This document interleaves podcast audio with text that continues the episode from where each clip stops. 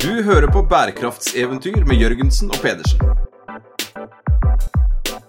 Bli med på eventyrlig jakt på bærekraftig business.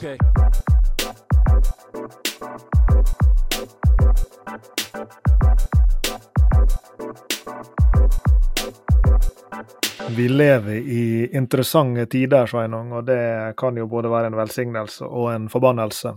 Og um, det finnes vel kanskje visse argument for at en alltid lever i interessante tider, fordi Mm. det bare det som endrer seg, er kanskje bare hva som er interessant. Nå er jeg fylt 50 år, eh, Lars Jakob, så nå, nå er jeg jo nesten sånn en sånn onkel som kan eh, komme og fortelle om gamle dager Skal si deg en ting, jeg! da jeg var ung. Nei, men Det er interessant det der å se altså, Er det så mye mer urolig enn nå enn det har vært eh, tidligere? Hva vokste vi opp med? Hvordan preges vi i dag av at vi stadig får nyheter fra nyhetsredaksjoner som også er helt avhengige av å presentere de nyhetene på en sånn måte at vi faktisk klikker. Det er ikke et abonnement på en avis som kommer i posten hver dag uh, uansett, og som alle leser, og så venter vi til Dagsrevyen klokka 19 på, på, på kvelden. Her uh, er det X og Twitter og TikTok og Facebook og, og uh, her, altså vi blir bombardert til, he, hele tiden da, med nyheter, og mange av disse nyhetene er jo forskrekkelige. Og, og for oss som jobber med bærekraftig business, og i de menneskemøtene vi har der, Lars Jakob, så, så er det jo mange som gir uttrykk i dag for at det oppleves særdeles uh, urolig. Vi har et eh, en, Vi snakker om klima i dag på en annen måte enn før. Før så var det jo mer hypotetisk. I dag så kjenner folk det mer på kroppen. Bedriftene kjenner det på, på, på kroppen. Eh, vi har krigssituasjoner både i Europa og i Midtøsten. Vi har konflikter med, med Kina og Taiwan etter valget i, i Taiwan. Det, det sitter et uh, Russland der som vi ikke helt vet uh, uh, hva kommer til å gjøre om de vinner i Ukraina. Hva vil skje hvis de vinner? Hvilke konsekvenser vil de ha utover, utover, utover eh, det som allerede har, har skjedd? Så, så ja, det har nok alltid vært urolig. Jeg tror ikke det var så greit å drive business nødvendigvis på 1700-tallet heller, eller på, på 60-tallet og 70-tallet, 1960-1970. Eh, jeg tror nok til enhver tid så har jo folk opplevd en, en viss uro eh, Mm. og, og behov for å prøve å, å lage Ja, finne noen faste holdepunkter, da. Men allikevel så kommer vi oss ikke unna, Lars Jakob, at når folk nå snakker om å spare litt vann, eller redusere litt energibruken i en bygning, eller gjøre noen grep for å, for å, for å ja, forbedre arbeidsbetingelsene i, i verdikjeden, bare for å nevne noen eksempler, opp imot da disse store konfliktene, opp imot en biodiversitetskrise, opp imot klimakrisen, så, så er det vel mange som gir uttrykk for at, at de føler at det kanskje blir litt smått. Ja, og dette er jo noe som vi eh, ofte hører i, i ulik form, og jeg, jeg føler at vi hører det Det det er for så vidt et, et tema som ofte popper opp, ikke sant? Eh, for du er hele tida den der litt sånn relative greia. Hvor viktig er egentlig disse bærekraftsproblemene i lys av Sett inn det som passer. Eh, og nå om dagen så, så hører vi jo dette her fra, fra veldig mange hold. Er det egentlig noe vits i å holde på med energieffektivisering av retailbygg i, i Oslo, eh, mens eh, Midtøsten eh, brenner, nær sagt? Eh, Er det egentlig eh, rimelig å jobbe med sirkularitetsstrategi for, for en sportstøyaktør når nær sagt folk dør på åpen gate i, i Ukraina? Videre. Variasjoner over det her det har vært innvendinger som Eller ikke innvendinger, men det, men det, det er spørsmål som, som lyttere eh, har stilt oss i ulike former på, på e-post til eventyr.jorgensenpedersen.no, eh, og også ledere som vi treffer rundt omkring. Og Det fikk meg til å tenke når vi preppa litt for denne samtalen her, Sveinung, en gang vi skulle over fjellet og kjøre en sånn eh, heldagsworkshop for executive-studenter på NHH Executive på NHH sitt campus i Oslo. Så sto vi opp eh, grytidlig for å ta sju fly over, og da eh, hadde jo han akkurat kommet til nyheten om at Donald Trump var blitt eh, valgt til president i USA. Og den dagen der var ikke sånn kjempelett å liksom få deltakerne på et executive-programmet til å fokusere på liksom, spissfindighetene i hvordan gjennomføre en vesentlighetsanalyse eller uh, ubærekraftige forretningsmodellmønstre, fordi at det, det venter hele tida tilbake igjen til dette her. Ja, men nå vil jo verden endre seg. Dramatisk. Og, så det er litt sånn den, den samme strukturen i det, da, på et vis. Altså hvordan, hvordan tenke på, eller hvordan drive bærekraftig business i urolige tider, kunne kanskje vært en, en måte å, å, stille spørsmålet på. da, Og så stiller jo du da, eller har allerede gjort det, stiller jo da på en måte kontraspørsmålet. Ja, men er ikke egentlig alle tider urolige tider? På, på ulike måter og i ulik grad, selvfølgelig. Og så er kanskje også en del av det vi tenker på som bærekraftig business, det vi tenker på som bærekraft, slik det knytter seg til bedrifter og andre organisasjoner sin virksomhet, det berører jo også i veldig stor utstrekning de samfunnsmessige og miljømessige kall det, forholdene som får det til å være urolige tider. da.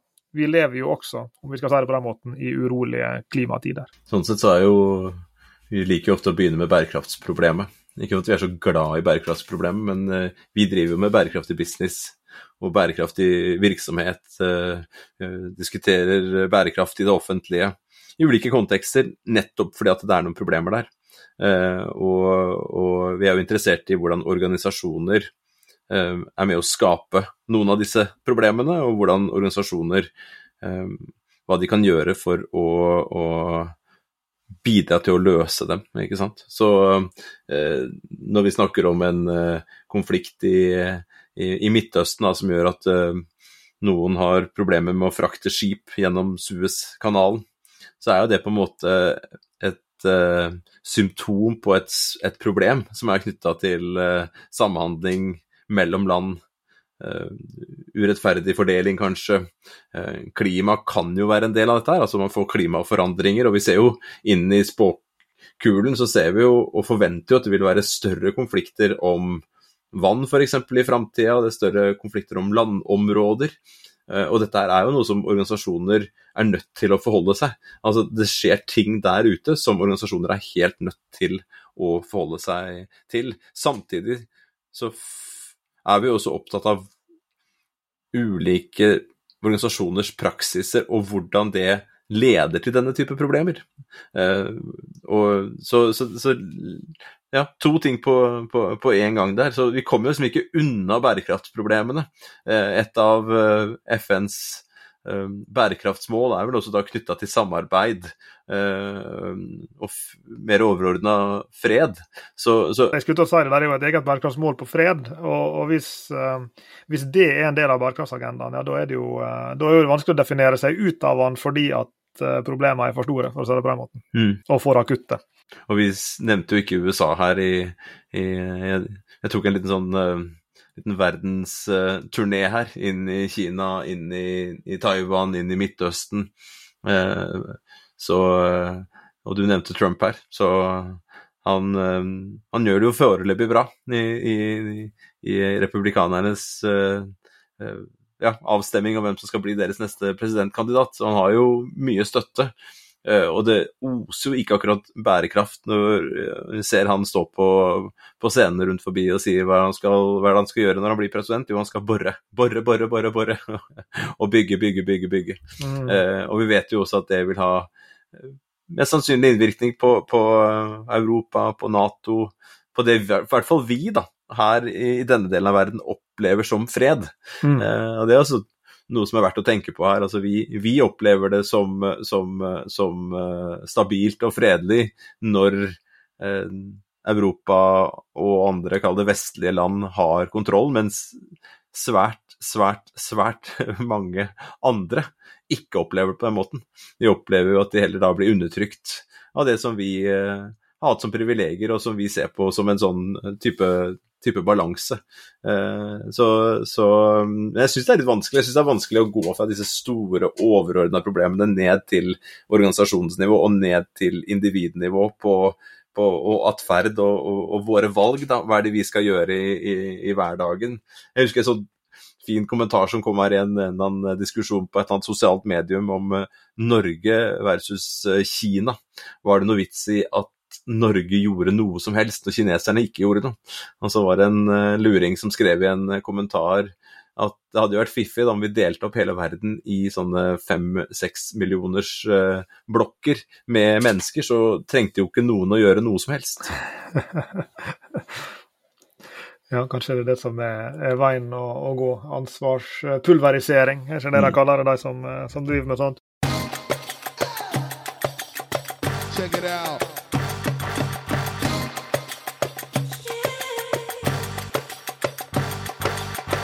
Og, men jeg syns det der er litt sånn megetsigende, fordi som du sier, her, her er noen sånne store problemkompleks om dagen. Eh, noen av dem knytta til, til, virkelig dramatiske eh, forhold knytta til krig og fred. Eh, andre knytta til, til, sånne kalde beredskapsmessige ting som, som, kanskje følger av det som har med, med konfliktsituasjoner, geopolitiske eh, konflikter rundt omkring. Og Det kan jo være sånne ting som energisikkerhet, f.eks. Det er jo store, krevende spørsmål. For en del matsikkerhet og forsyningssikkerhet mer generelt. Eh, hva skjer hvis vi ikke får fatt i nær sagt matingrediens X eller produktkomponent Y, som vi trenger til alle de tingene vi har rundt oss, og, og, og hva med energisikkerheten. Det er slike typer eh, spørsmål. Og så, er det jo liksom disse her mer sånn, kall det ulike sånn politiske eh, strømningene som, som, kan dreie seg om alt fra, fra eh, strenge autoritære menn som vinner fram i, i ulike land, til, til liksom styrkeforholdene mellom nasjoner, noen av de som har hatt en historikk av å krangle, og andre som har hatt mindre av en historikk til å krangle. Og hvordan påvirker dette her business? Eh, og jeg opplever vel kanskje at at i nyere tider, hvis vi ser på alle de spørsmålene vi, vi, får tilsendt, og alle forslagene til episoder vi får tilsendt i, i ulike kanaler hele tida, så er det akkurat som at, at ting har blitt løfta opp et hakk, på et vis. Altså at der vi kanskje i mye større grad, hvis vi har gått et år eller to tilbake igjen, ville typisk få spørsmål rundt sånn hvordan ser en Hva vil egentlig det si at noe er en regenerativ forretningsmodell, og hvordan er den forskjellig fra en sirkulær forretningsmodell? Det kunne kanskje være et, et, spørsmål jeg tror vi har fått en gang. Um, hva er egentlig ESG for noe, og hva betyr det for små og mellomstore bedrifter? Altså, liksom, mange sånne typer spørsmål. altså føler jeg nå at innboksen vår er litt mer dominert av sånne spørsmål som hva vil styrkeforholdet mellom Kina og Taiwan bety for eh, eh, nær sagt eh, norske eksportmarkeder, eller hva det måtte være. Ofte spørsmål som er litt over, over om ikke over vår pay grade, så i hvert fall utenfor det scopet vi er vant til å tenke på. Mm. Men, men det er jo på en måte en sånn et slags symptom på hvor hodet til folk er om dagen. da. Og, og, hvilke typer problemstillinger både ledere i næringslivet og andre som er opptatt av bærekraft, eh, hvor de har hodene sine, og hvilke problemstillinger de ser på som, som spesielt uh, krevende å forholde seg til, og kanskje spesielt viktig å forholde seg til. Så, så det, er, det, er akkurat som at det er et lite sånn, om ikke taktskifte, så det i hvert fall sånn uh, væromslag. Det har vært mange taktskifter der, og vi kan jo snakke om en sånn Brussel-effekt. Uh, vi, eh, I begynnelsen da, Jakob, da vi begynte med bærekraftig business og, og, og var ute og, og ja, tilnærmet misjonerte, ikke sant. Altså fordi vi måtte ut og, spre budskapet om at det fantes, og at det kunne bli viktig i framtiden, og kanskje at bedrifter også hadde et ansvar for det, hvis jeg liksom ser litt sånn i, i, i bakspeilet, bakspeilet, vårt. Og Da var det jo mange som sa at ja, det kan hende at dette er viktig, men vi må vente på reguleringene. Det er ikke noe vits å gjøre noe med dette her før det blir regulert. Uh, og når vi møter ledere nå, så sitter de jo og gjør andre ting i dag enn de gjorde bare i fjor. Når de sitter og rapporterer, når de går inn i strategiene sine for å finne ja, ja, nye mål og nye måter å, å, å, drive virksomheten på, sånn at de faktisk har noe å rapportere om eh, fremover i tid.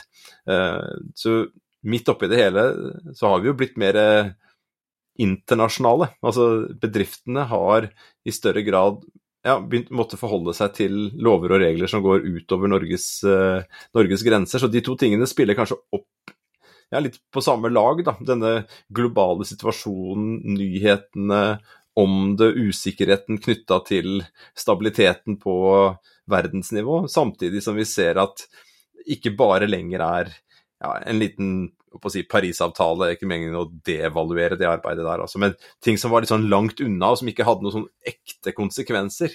Eh, men vi merker nå et stort skifte her med helt andre folk i organisasjonene som sitter tettere på regnskap, som sitter tettere på, på finansdirektører, eh, og som nå merker at eh, greit, 2024 blir et sånn øveår hvor vi må begynne å rapportere eh, på en ny måte, men vi vet at fra neste år av så kommer det virkelig til å smelle. Eh, og, de, så, så, og da, da, da, blir det virkelig alvor, og vi må begynne å, å, å rapportere på hva som er eh, vesentlig, og så må vi også finne ut hva er det vi skal gjøre med virksomheten vår, sånn at vi bøter på de problemene vi eventuelt er med å, å skape, og, og at vi kan finne reelle måter å løse flere problemer på enn det vi gjør i dag.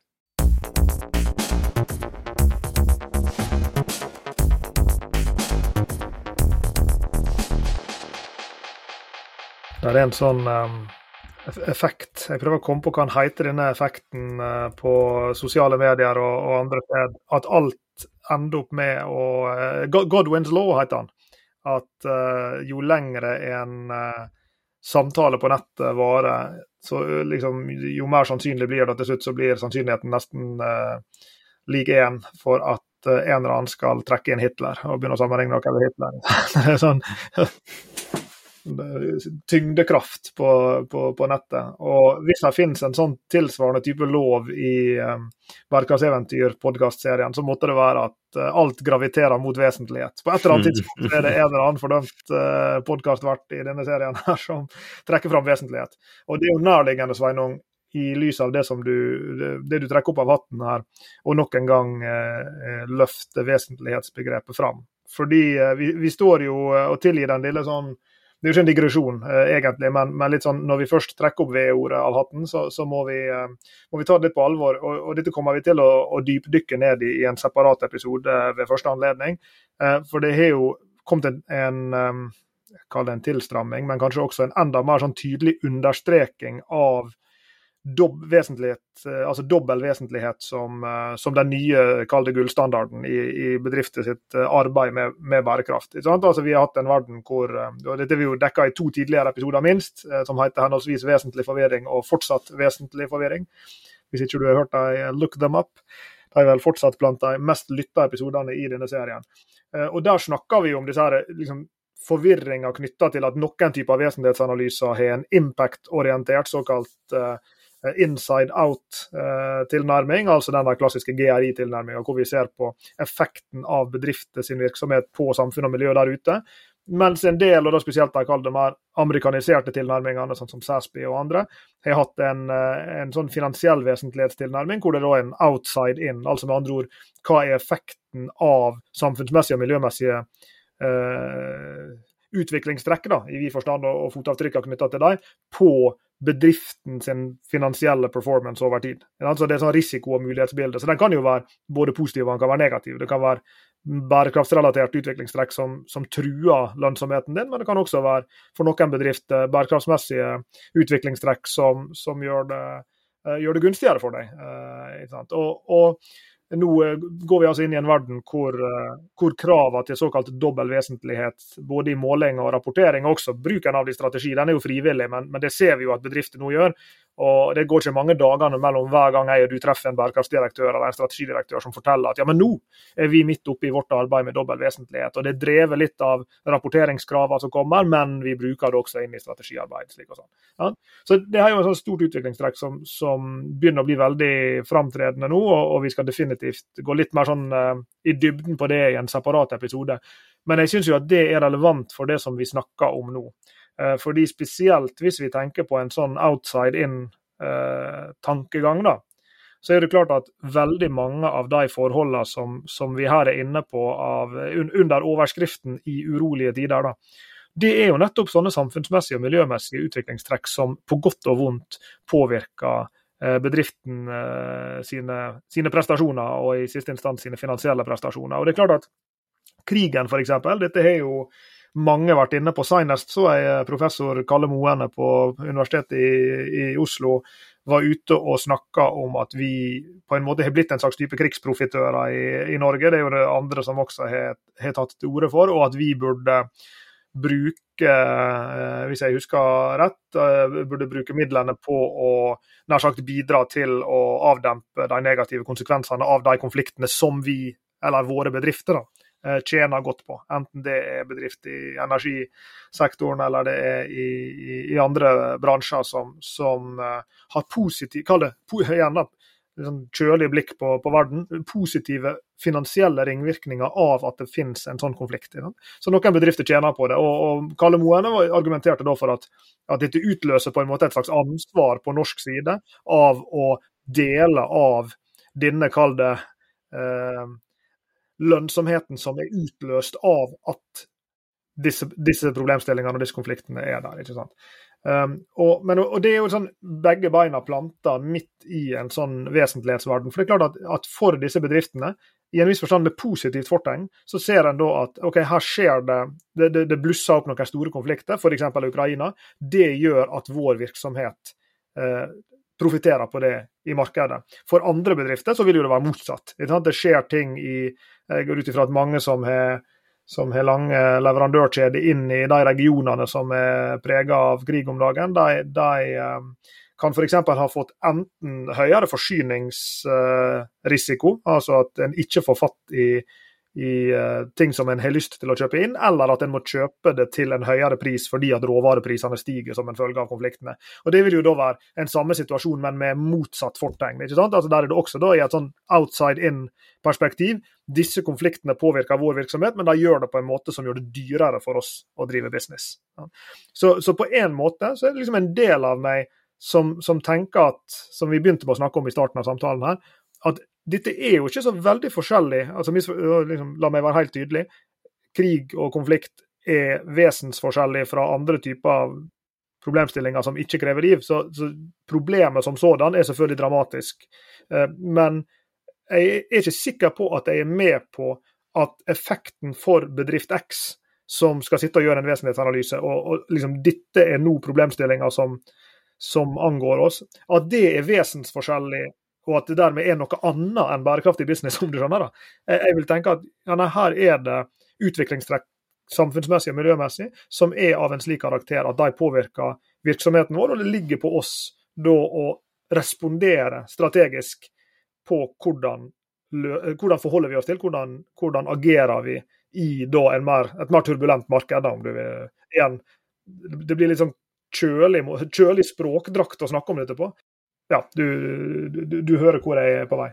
Så har vi jo snakket om, om før, og det, det tåler jo å gjentas, denne dynamiske vesentligheten, altså det som endrer seg over tid. Enten det er som du sier inside out, altså hvordan fabrikken eller bedriften eh, påvirker eh, omgivelsene, natur og, og, og, samfunn, eller om det er outside in, altså hvordan eh, ulike eh, typer miljømessige og samfunnsmessige eh, eh, ja, omliggende forhold rundt virksomheten påvirker, påvirker, bedriften. Og disse her tingene vil jo endres over tid, og det endres jo over tid. Og det kan oppleves sterkere eller svakere, man kan oppleve det som en større eller mindre trussel eller, eller mulighet, men denne sensitiviteten Én eh, ting er regelverket. Én ting er at man nå i større grad enn før må rapportere om disse tingene, og at man får et regelverk som da punkt for punkt for punkt hjelper en, eller tvinger en til å gjøre det. Men allikevel så må den enkelte leder i den enkelte bedrift må være sensitiv og forstå hva er det som er viktig for den enkelte bedriften, særlig når vi da skal gå Nå møter vi jo executive-gjengen vår på Sustainable Business Strategy eh, nå denne uka her. Eh, og vi skal jo da gå inn i utforskningsmodus. Og i dette utforskmoduset, da, så, så, så, ligger jo der. Den behovet for å være sensitiv for eh, hvilke problemer man har skapt, eller hvilke problemer man kan løse eh, der ute. Om det er da inside out, altså hvordan virksomheten påvirker omgivelsene, eller om det er omgivelsene påvirkning på, på, på virksomheten, altså et outside in-perspektiv. Eh, men hver gang vi går ned utforsk, inn i et utforskerrom, Lars Jakob, så, så, så, havner vi jo tilbake til vesentligheten. Vi havner jo tilbake til å forstå ja, hva er det som er viktig på kort, mellomlang sikt og lang sikt. Eh, hvilke interessenter er det som står og, og presser hardest på og har makt over oss?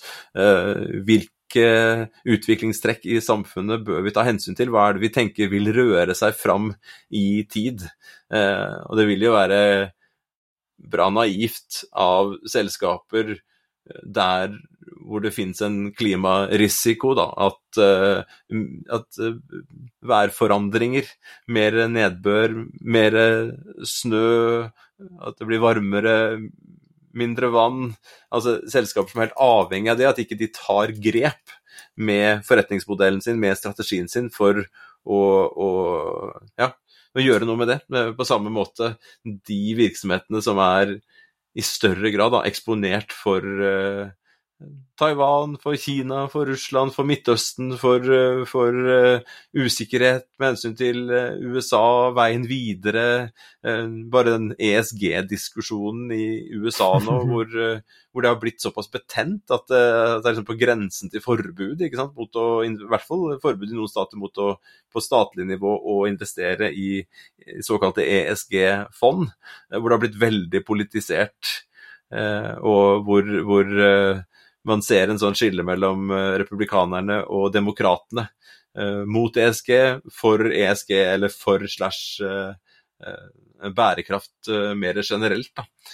Og noen bedrifter vil jo absolutt være mer eksponert for de forandringene i hva som til enhver tid er vesentlig og ikke, og er nødt til å da være ja, sensitiv for og trekke dette her inn i utviklingen av uh, ny strategi, uh, inn i nye operasjoner.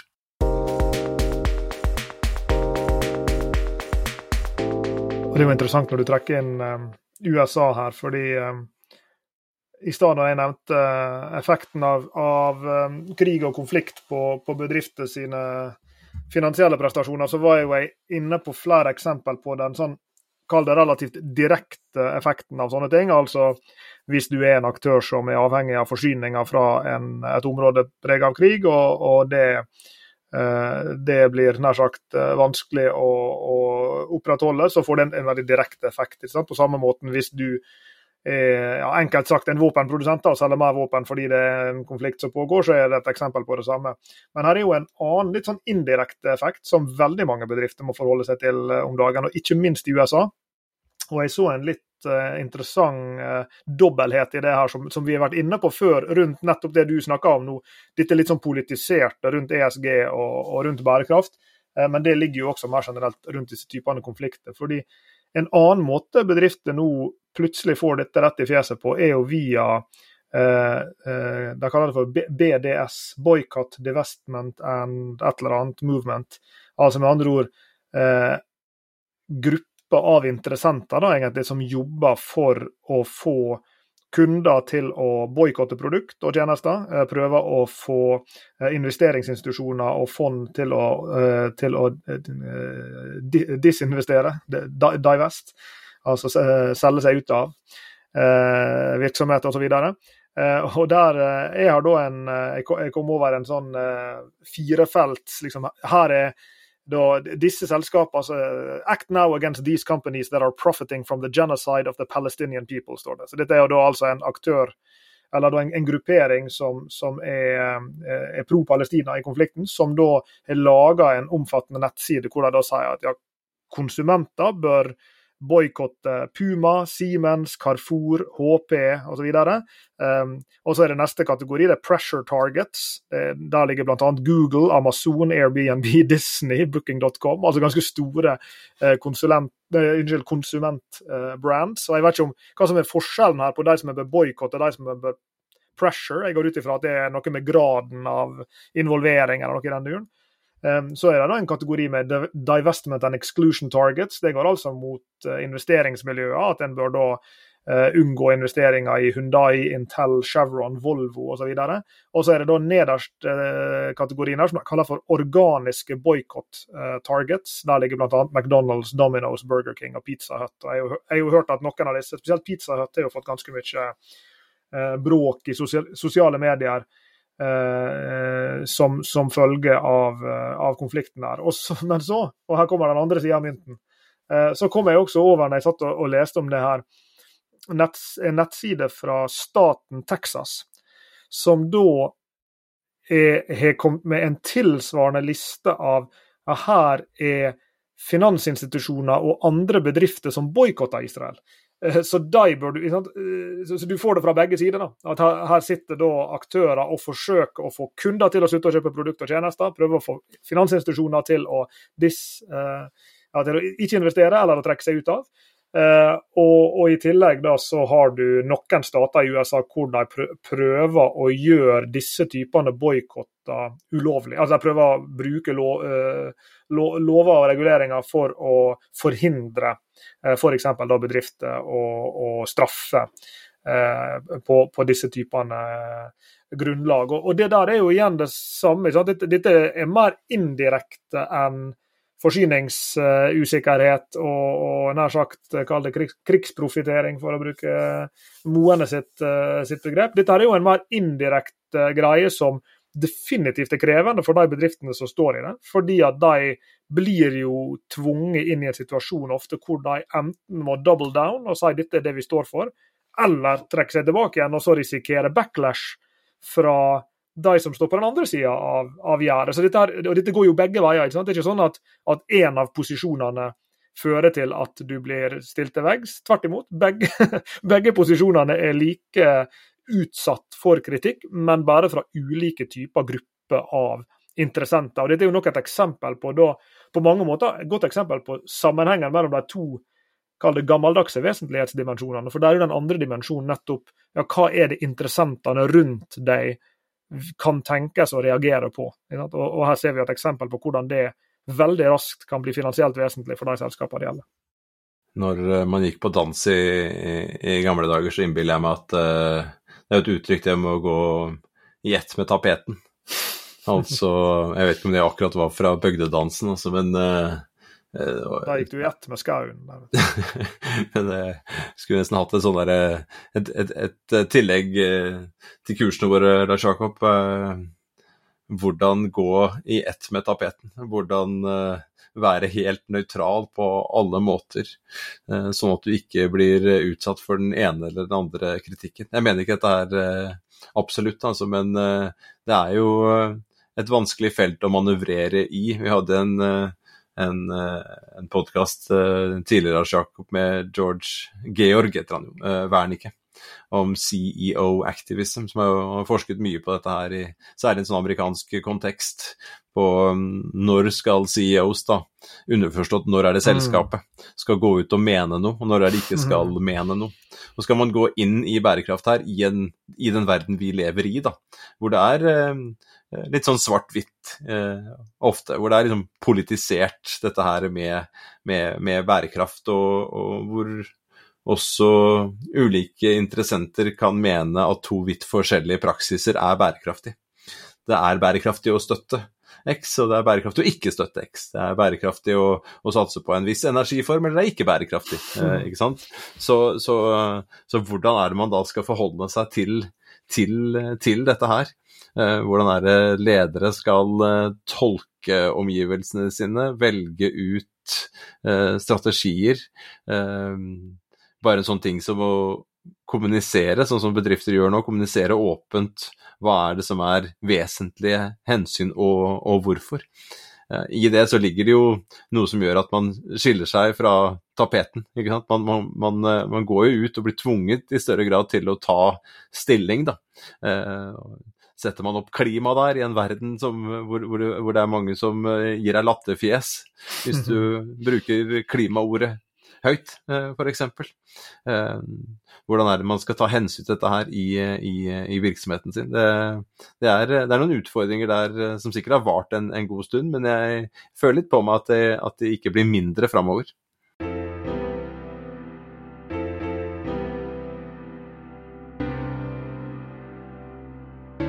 Med fare for å gjøre denne her eh, episoden her 100% om til en eller annen slags variasjon over den gamle godteriposetypen Bladda Drops, så klarer ikke jeg dy meg fra å trekke opp av hatten en, eh, en artikkel som, som, jeg kom over i går, og som jeg vet at du har sittet og, og, og bladd i, eller det vil si, du, har, vel audielt bladd i den på lytteappen lytte din. Ja, ja. Eh, men uh, forskeren Alex Edmonds, kollega av oss på London Business School, som, som, vi, som vi er henvist til i denne serien mange ganger fordi at han har en tendens til å ha fingeren på pulsen på mange store, viktige eh, problemstillinger i bærekraftig business, og, og i ESG spesielt. lurer på om en av de forrige gangene vi nevnte uh, Edmunds i denne serien, var han hadde skrevet den artikkelen som heter 'The End of ESG'. Mm. Som høres jo så dramatisk ut, og kan jo høres ut som at han er motstander av ESG, men tvert imot uh, det han argumenterte for der, var jo at på et eller annet tidspunkt så må vi slutte å henvise til ESG som ESG, og bare tenke på det som, uh, som god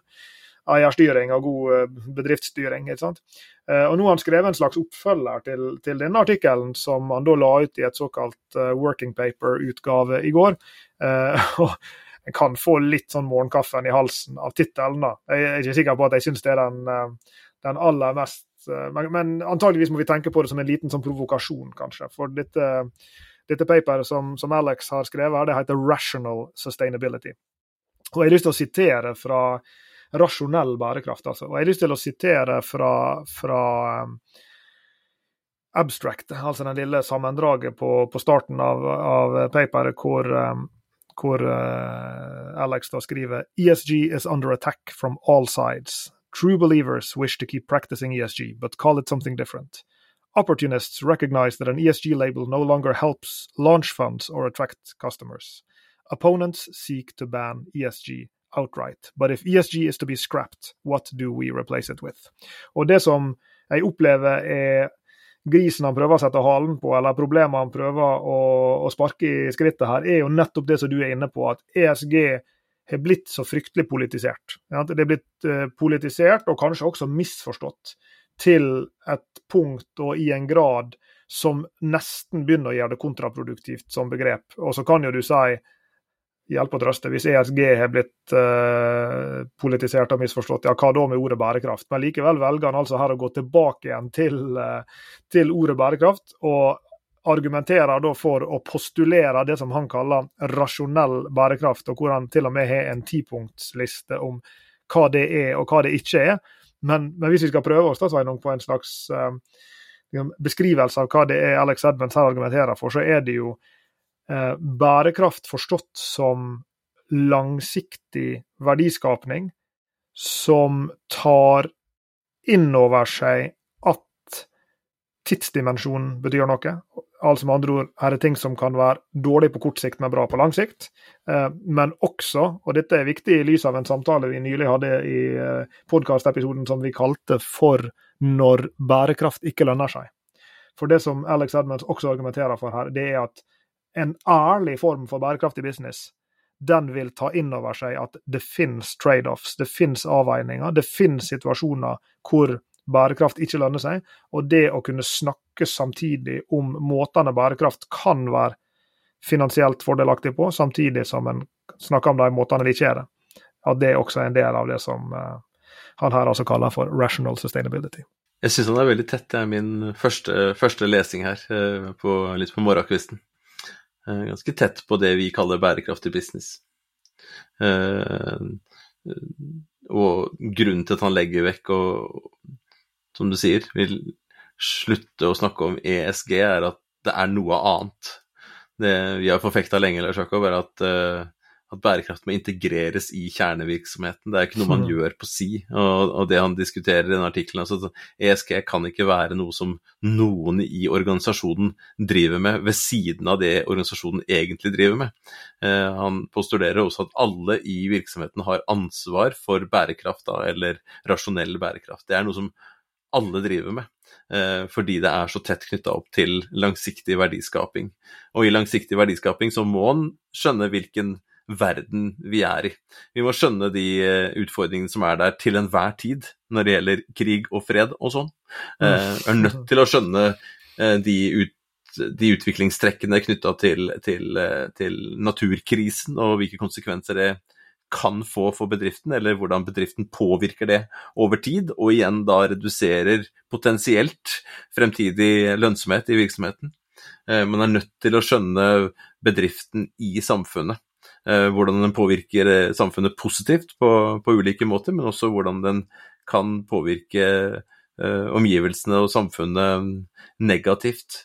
Eh, og en våken, si, moderne leder er nødt til å ta dette her inn over seg i den konteksten den er.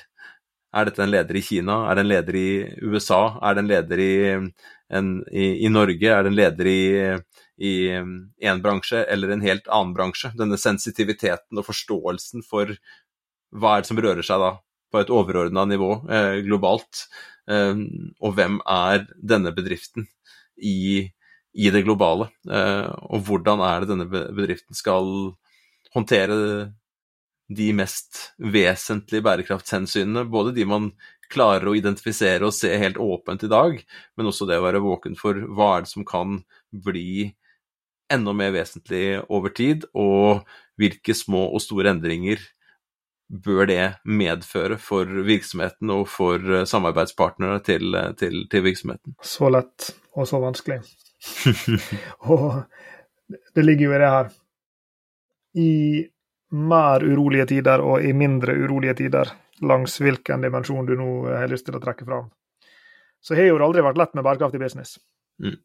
Det er jo derfor det er gøy å Sant. Så, så 41 eh, minutter inn i samtalen, Sveinung, så får vi vel bare være enige om at vi kom kommer oss 41 minutter videre i, eh, i ditt uh, ordskifte om disse krevende spørsmålene her. Det er jaggu ikke lett å holde på med bærekraft verken når uh, når det er fredelige tider eller krig, selv om en kan åpenbart eh, foretrekke bærekraftig business i fredelige tider. Uh, en kan åpenbart eh, foretrekke bærekraftig business i en tid hvor klimaet er sunt og økosystemet ikke dør, men dessverre så er ikke det den verden vi lever i. Og derfor er jo det fryktelig moro å få lov til å ha alle disse samtalene oss imellom, ja, men etter hvert også. Og flere av disse tingene som vi snakker om i dag, Sveinung, vet vi, eh, for vi har allerede avtalene på plass i avtaleboka vår. At vi skal grave oss ned i sammen med flinke folk, både ute i bedriftene som prøver å løse disse store, eller forholde seg til disse store, krevende problemene her, og også andre forskere som forsøker å forstå dem. Så vi får tenke på dette her som en liten sånn uh, Lerretet er herved dratt opp, hansken er kasta igjen. Og så får vi bare fortsette å prate oss inn i det. Du har hørt på Bærekraftseventyr med Jørgensen og Pedersen. Send e-post til eventyr.krøllalfa.jorgensenpedersen.no for å stille spørsmål eller komme med forslag til tema for fremtidige episoder. Og besøk jorgensenpedersen.no for mer informasjon om denne podkastserien. Okay.